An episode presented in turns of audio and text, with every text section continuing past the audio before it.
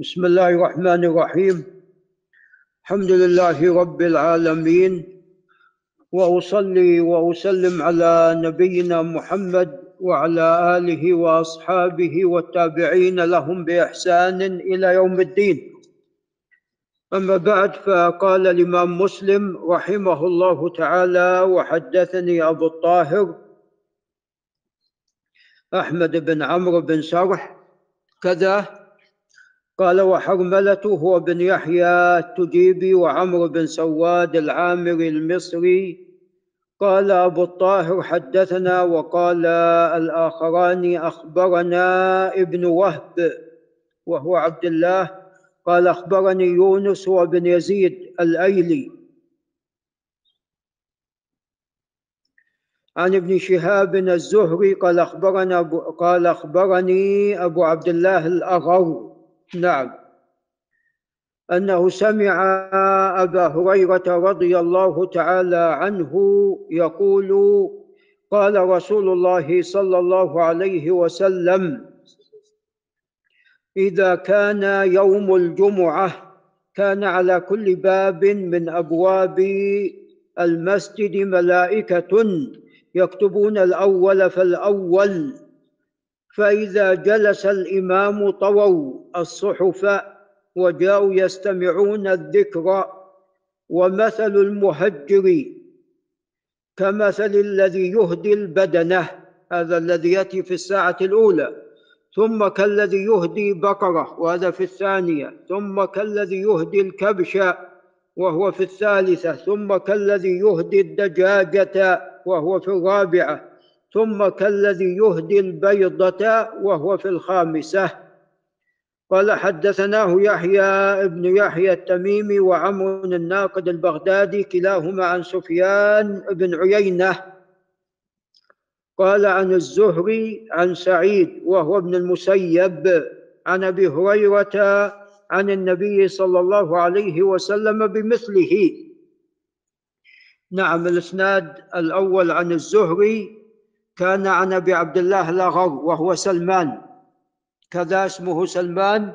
نعم. والثاني رواه الزهري عن سعيد بن المسيب. كلاهما عن أبي هريرة. قال وحدثنا قتيبة بن سعيد الثقفي.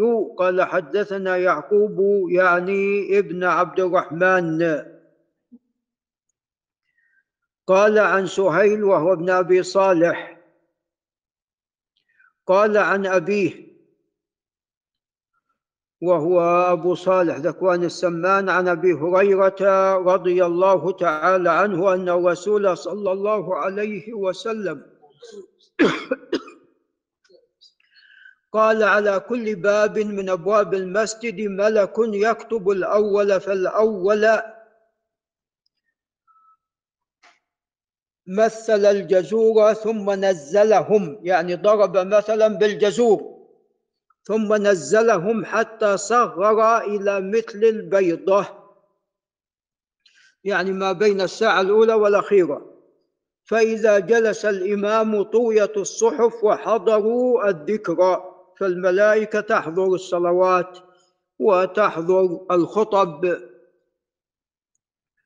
قال وحدثنا أمية بن بسطام العبش نعم وحدثنا أمية بن بسطام العيشي قال حدثنا يزيد يعني بن زريع البصري قال حدثنا روح بن القاسم. قال عن سهيل بن أبي صالح قال عن أبيه عن أبي هريرة رضي الله عنه عن النبي صلى الله عليه وسلم قال من اغتسل ثم أتى الجمعة فصلى ما قدر له. فهذا يفيد أنه ليس هناك في يوم الجمعة قبل الصلاة شيء محدد من الركعات. صلى ما قدر له ما يسره الله له. ثم أنصت حتى يفرغ من خطبته أي الإمام. ثم يصلي معه غفر له ما بينه وبين الجمعة الأخرى وفضل ثلاثة أيام. لأن الحسنة بعشر أمثالها.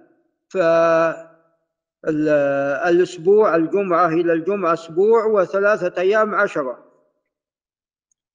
قال وحدثنا يحيى بن يحيى التميمي وأبو بكر بن أبي شيبة العبسي وأبو كريب محمد بن العلاء قال يحيى أخبرنا وقال الآخران حدثنا أبو معاوية محمد بن خازم السعدي عن الأعمش سليمان بن مهران.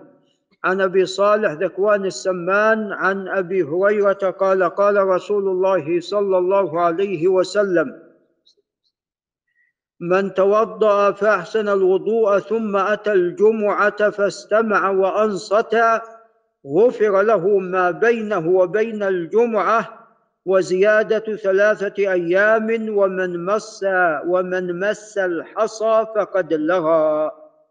نعم ولعل نقف عند هنا.